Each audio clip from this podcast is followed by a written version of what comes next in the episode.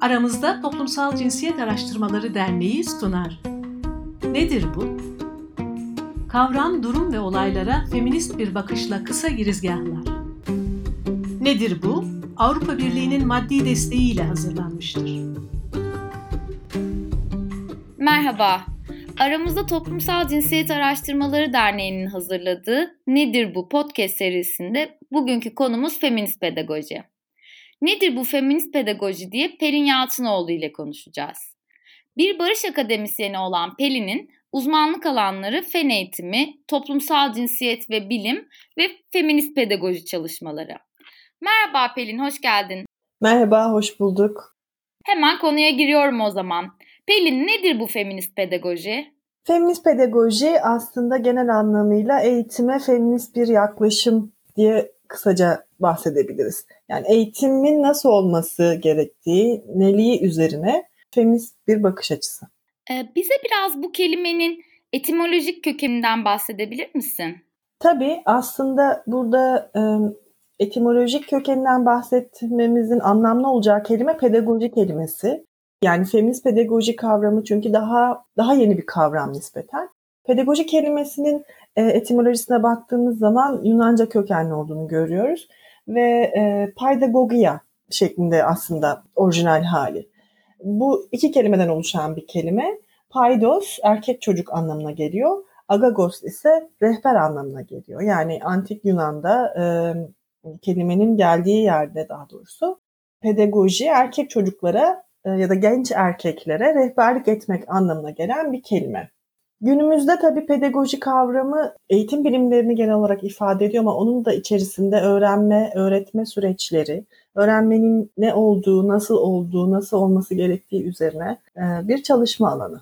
Peki feminist pedagojinin tarihsel arka planından biraz söz eder misin? Tabii. Feminist pedagoji az önce dediğim gibi daha yeni bir kavram ama pedagojinin e, eleştirisi üzerinden şekillenmiş bir kavram. Pedagoji bugünkü anlamıyla eğitim bilimlerini e, geniş anlamda ya da daha özelde öğrenme üzerine çalışan bir alan olmakla birlikte bu alan üzerinde tabii ki birçok şey var. Birçok farklı yaklaşım var. Bizim daha ana akım ya da geleneksel pedagoji olarak e, adlandırdığımız alan ve pedagoji, e, öğrenme öğretme yöntemleri eleştirel bir yerden bakıldığında güç ilişkilerini yeniden üreten, güç ilişkilerinin toplumdaki güç ve iktidar ilişkilerinin e, ve sosyal adaletsizliğin aslında temelini oluşturan bir niteliği olduğunu görüyoruz. Eleştirel pedagoji, feminist pedagojiyi önceleyen ve feminist pedagojiyi biraz aslında besleyen bir alan. O yüzden önce belki de eleştirel pedagojiden bahsetmek gerekiyor feminist pedagojinin tarihsel gelişimini e, konuşurken. Eleştirel pedagoji e, bu geleneksel ve ana akım pedagojiyi bir baskı aracı olarak nitelendiriyor ve mevcut düzenin devamını sağlayan, statükoyu devam ettiren bir niteliğe sahip olduğunu söyleyen eleştirel bakış pedagojiye. Çünkü eğitim sisteminin özellikle var olan eşitsizlikleri devam ettirdiğini, ezen ve ezilen sınıfların bu, bu sistem içerisinde nasıl bir ilişki içerisinde olduğunu göz önüne seriyor.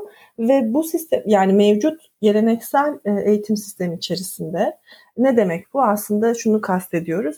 Bir öğretmenin olduğu bir öğretmenin olduğu o öğretmenin gücün ve aynı zamanda otoritenin simgesi e, olarak sınıf içerisinde bilgiyi dağıtan bilginin sahibi olan bir e, rolü olduğunu söyleyen bu geleneksel sistemde öğrenenler ya da öğrenciler daha pasif, daha alıcı pozisyonda e, oluyorlar ve bu şekilde biçimlenmiş bir eğitim sisteminin e, ezen ve ezilen taraflar ürettiğini ve bu sistem içerisinde öğrenci konumunda olanların ne bu sistemi ne de e, genel anlamda dünyayı sorgulama becerisine e, sahip olamadıklarını, bu olanaktan yoksun kaldıklarını söyler eleştiren pedagoji eğitim sisteminin aslında özgürleşmeye hizmet edecek bir potansiyel taşıdığını da söyler.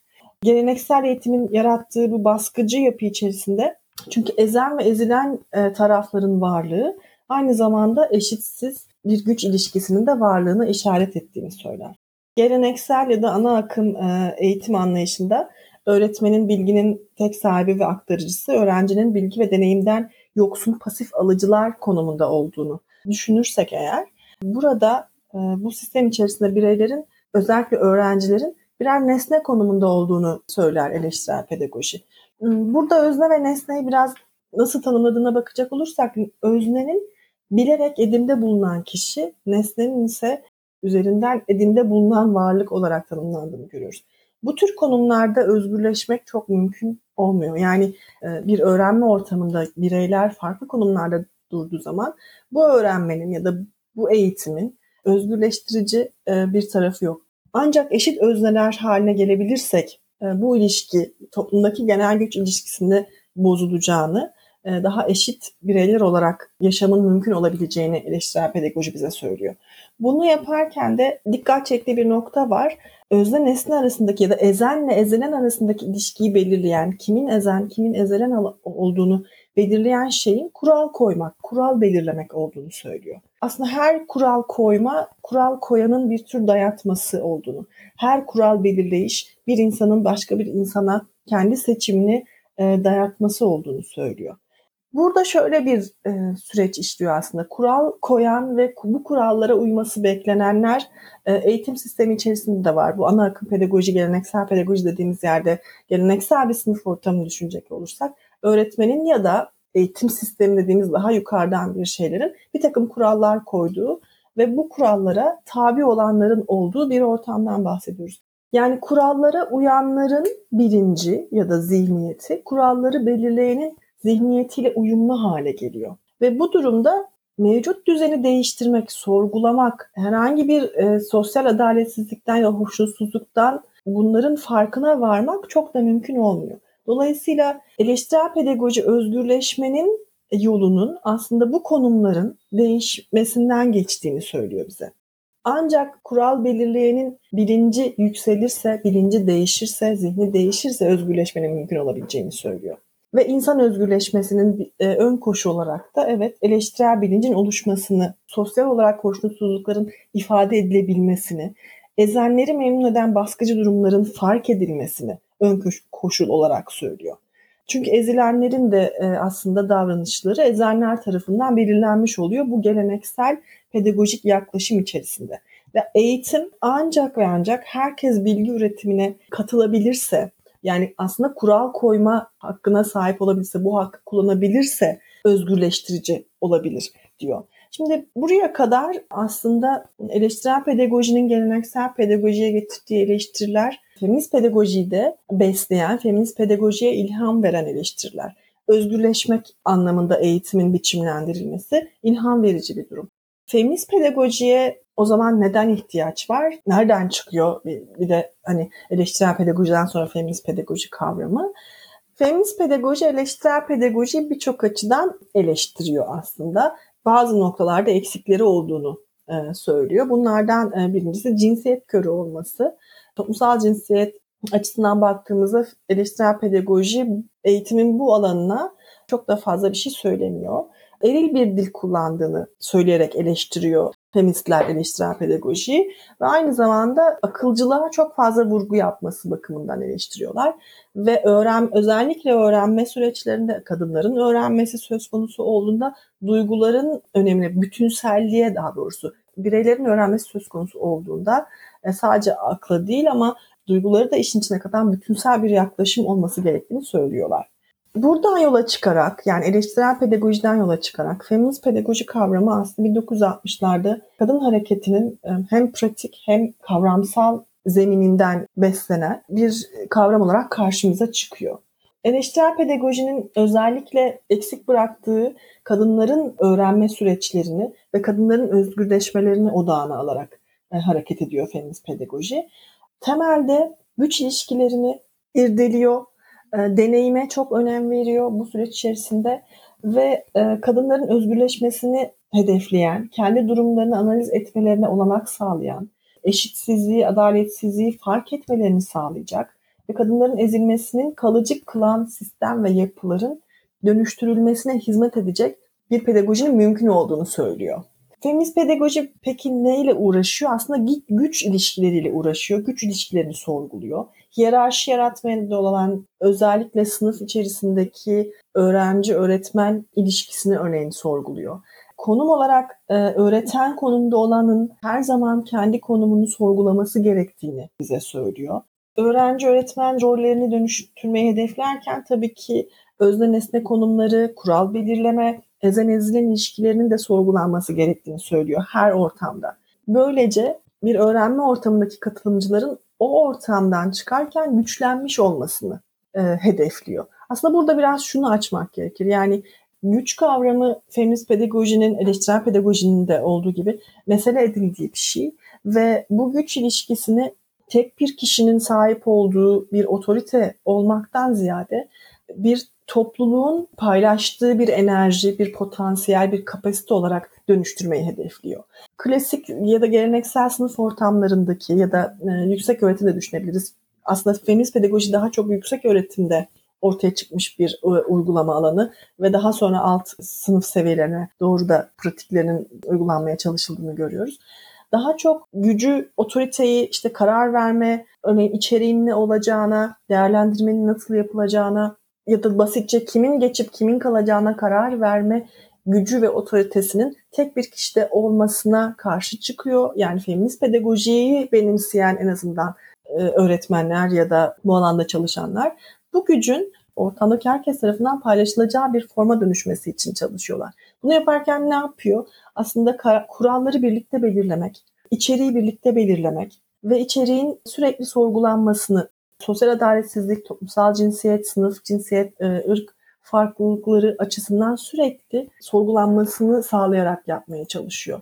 Dolayısıyla feminist pedagoji derken elbette şimdi sürekli bir hani eğitim alanında ve sınıf içerisinde kullanacak bir yaklaşım gibi bahsediyoruz bir yandan ama feminist pedagoji bir kere öncelikle öğrenmeyi sadece sınıf içerisinde gerçekleşen ve e, öğrenci ve öğretmen rolleri ile yürütülen bir bir olgu olarak ele almıyor.